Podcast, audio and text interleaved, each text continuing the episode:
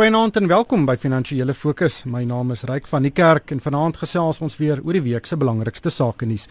Uit Pretoria gesels Dawie Klopper van PSG. Goeienaand Dawie. Goeienaand Ryk.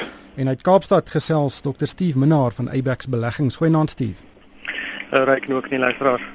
Wel in vanaand se program gaan ons gesels oor die parlement wat die week die omstrede minerale en petroleum hulpbronne ontwikkelingswet goedgekeur het. Die staking in die platinumbedryf duur steeds voort en Trevor Manuel het besluit om na meer as 20 jaar in die parlement die tuig neer te lê. Maar Dawie, kom ons begin by die minerale en petroleum hulpbronne ontwikkelingswet. Dit is 'n mondvol, uh, maar is ook 'n baie belangrike wet vir Suid-Afrika.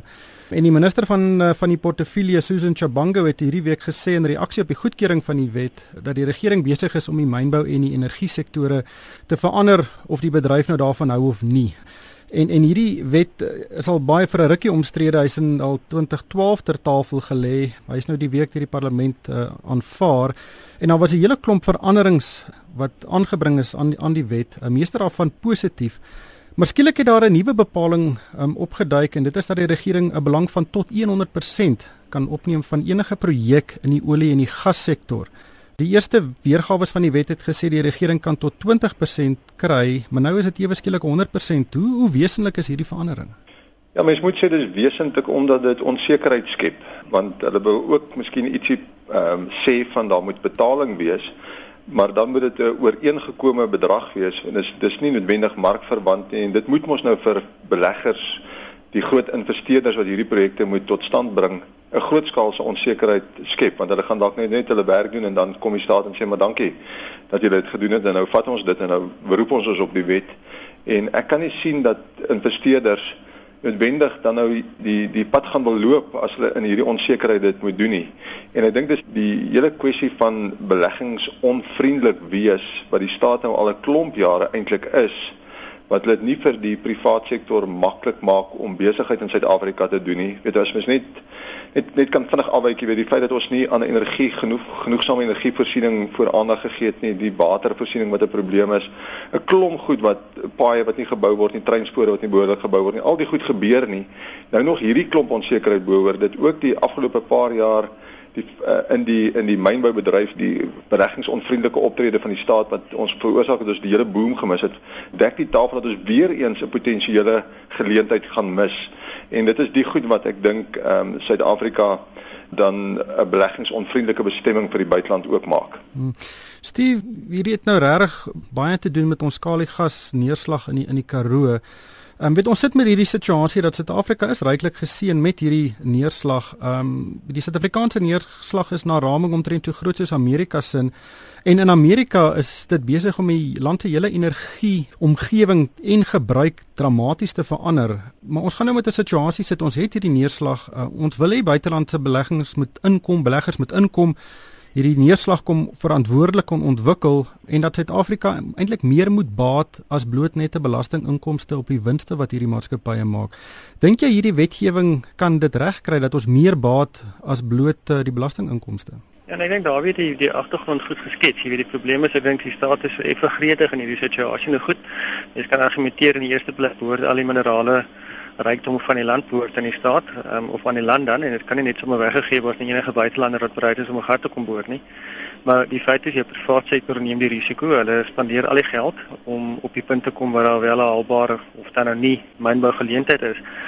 Aanvanklik sê die staat hulle gaan 20% aandelehouding hê sonder hoef te betaal wat ek dink klaar redelike groot hap is om te neem gegee waarvan hulle geen kapitaal insit nie. Hulle vat geen risiko nie met net so tersyde as jy kyk die ouens wat byvoorbeeld hierdie diep olie olieboor toerusting hier so olieboortoring kos jou 160 000 dollar 'n dag. Jy weet dit is nie klein geld nie um, en jy kan baie keer baie gate boor wat heeltemal droog is, jy weet voordat jy by 'n spesifieke gasveld kom.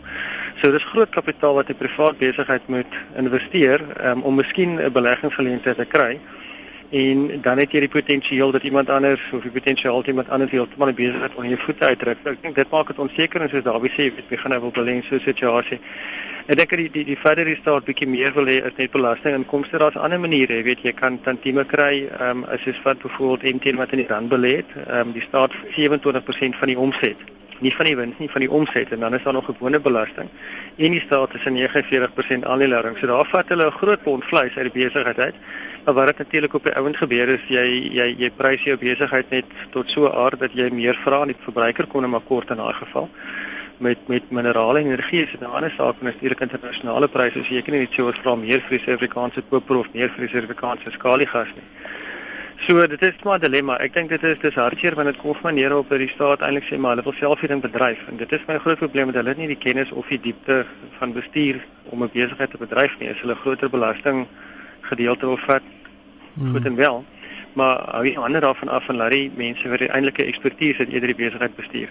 Daar was 'n geval in Brasilië waar die voormalige president Lula da Silva 'n uh, olieveld genasionaliseer het en toe het hy buitelandse oliemaatskappye aangestel om die olie namens Brasilië te ontgin en Brasilië toe die voordeel getrek as uh, oliepryse begin styg het wat toe inderdaad ook gebeur het. Ehm um, dit is dalk daar weer 'n ander manier om te kyk na hierdie hele storie. Ja, die vraag is seker op watter basis gaan daai besigheid dan inkom om hierdie werk vir die staat te doen. Jy weet, dis nou weer 'n kontrakbasis, jy weet, dit skep die ruimte weer vir 'n klomp korrupsie. Dit ehm um, dit maak dit net vir my hoekom sê jy op dië manier wil besigheid doen? Hoekom nie by normale besigheidsbeginsels bly?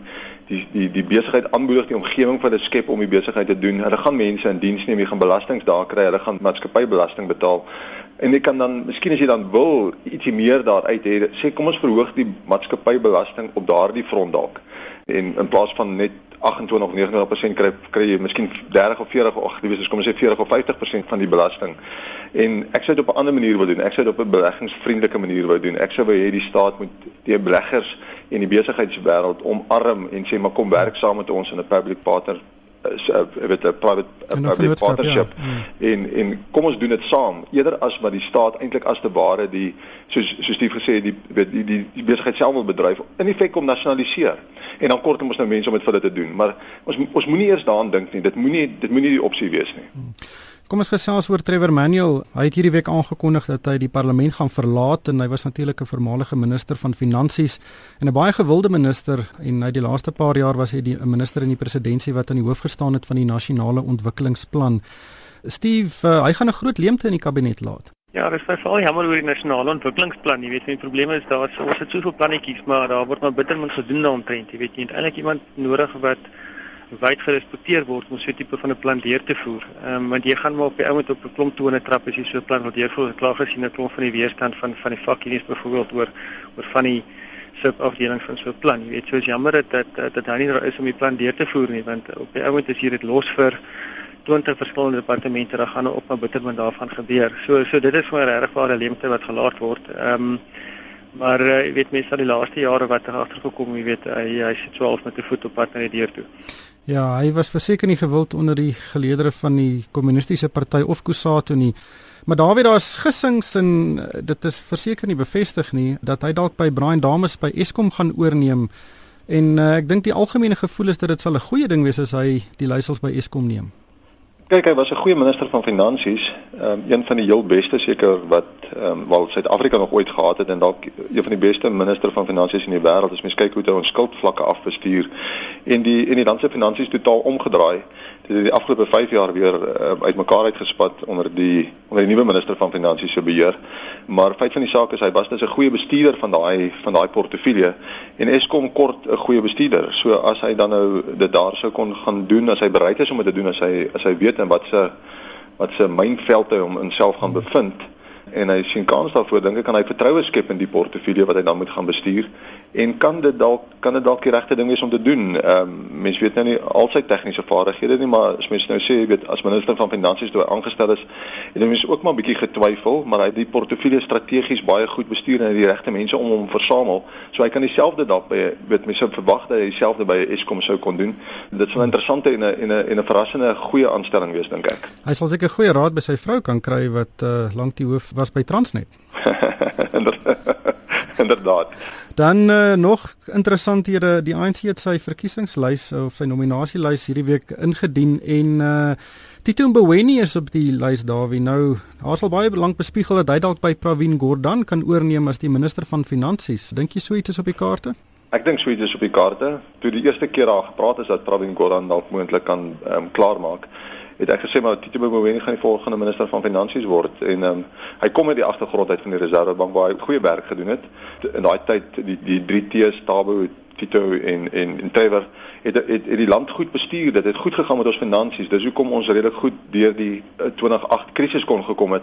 So ek dink as hy kan voortbou op die werk wat hy by die Reservebank gedoen het en die lesse wat hy dan ook duidelik by Trevor Manuel moes geleer het kan op gaan voortbou, dan sal hy dalk 'n goeie minister van finansies kan wees as hy kan voortbou op die op die manier hoe hy daai portefeulje uh, die Reservebank bestuur het en die beleid wat hulle daar gevolg het en en wat tog redelik uh, voldoen het aan aanvaarbare internasionale norme. Hmm.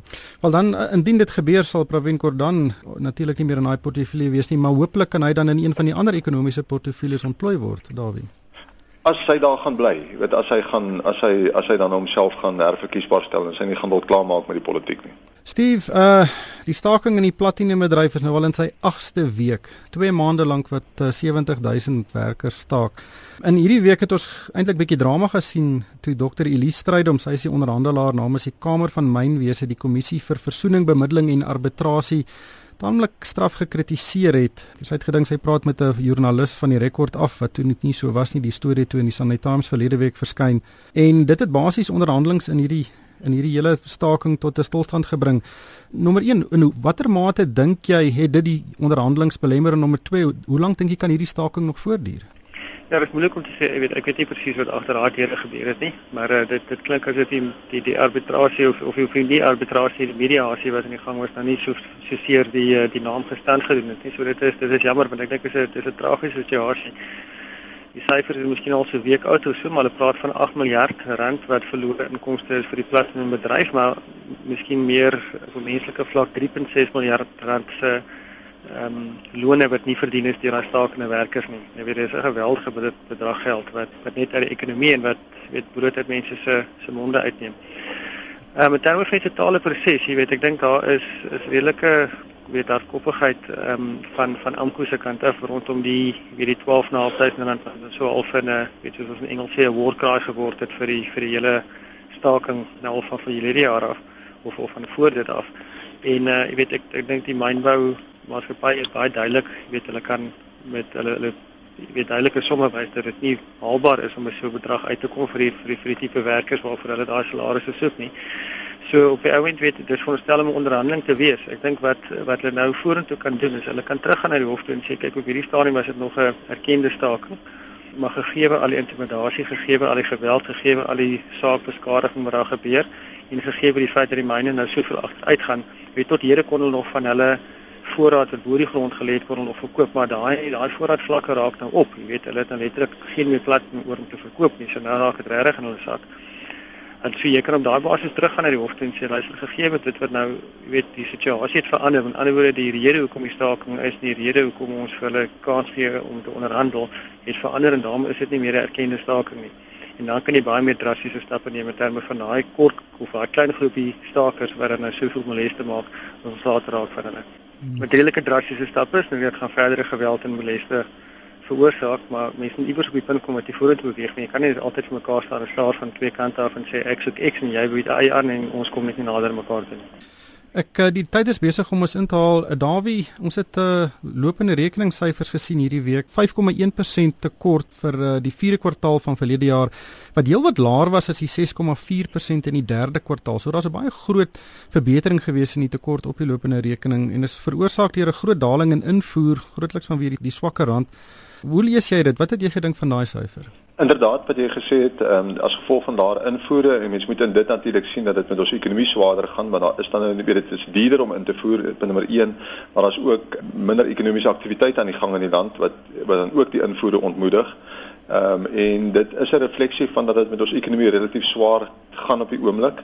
Aan die ander kant moes mens dan ook darm verwag het dat met die swak rand die tekort moes verklein het. Ek meen dit is dan hmm. tog maar die rede hoekom jy dan nou mos die rand se verswakking nie bewerkstellig het maar dit gekry het en die volle verwagting dat uitvoere dan bevoordeel sal word en invoere benadeel sal word. Uiteindelik moet die tekort krimp. Anders is men waag in die rand moet eintlik ja. eindig om die om die proses te voltooi as dit nie begin gebeur het nie. Ja, so dit het begin gebeur en die feit dat daar was dat dit so 'n verrassing was in aanhalingstekens moes dalk nie so 'n groot verrassing gewees het nie. Hy moes in die uit begin beweeg in daai rigting. Dis die regte rigting en dalk was die verrassing dat hy 'n bietjie verder beweeg het as wat miskien op hierdie stadium al verwag sou gewees het. Ons sien die afgelope paar weke 'n relatiewe stabiele rand hierso in die in tussen R10.60 tot soos R10.90 teen die dollar. En dis eintlik die eerste keer in 'n in 'n paar maande dat ons 'n stabiele rand sien wat in 'n sekere band beweeg en dit is ook baie goed vir die ekonomie op die oomblik. Ja, ek sou so sê, ehm um, dit aan die een kant, ek dink die rand wil eintlik sterker beweeg maar dan gebeur daar kort goed wêreldwyd en maar ook hierso wat veroorsaak dat hy dan weer 'n bietjie terug terugstoot dit uh, verswak en nou uiteindelik verander hy in hierdie band waarna jy verwys. Ehm um, natuurlik op hierdie stabiliteitsvlak wat hy nou beleef, is dit goed en dan is dit goed wel vir besluitneming as jy kon weet hy gaan daar bly. Maar maar ek dink tog dat die rand is te swak op hierdie vlakke en dat hy eintlik 'n bietjie sterker moet beweeg Ehm um, net om as mens na koopkragpariteit in die wêreld kyk tussen Suid-Afrika en sy handelsvennote en al daai faktore in ag neem en jy self ook in die buiteland gaan reis en sien hoe duur is die rand, dan besef jy dat die rand is te swak en hy behoort eintlik te verstewig as die omstandighede dit gaan toelaat. En hierdie kleiner tekort is een van die omstandighede wat moet begin gebeur om dit reg te kry. So natuurlik die Eskom kragsituasie uitsorteer. Ons moet die platinum staking uitsorteer kry. As die goed gebeur, weet uitgesorteer word, miskien nie so vinnig dalk nie, maar dan moet 'n mens verwag dat die rand gaan 'n bietjie verstewig. Ongelukkig het die tyd ons ingehaal. Baie dankie aan Dawie Klopper van PSG en Steve Minnar van Abex Beleggings en van my ryk van die kerk. Dankie vir die saamluister.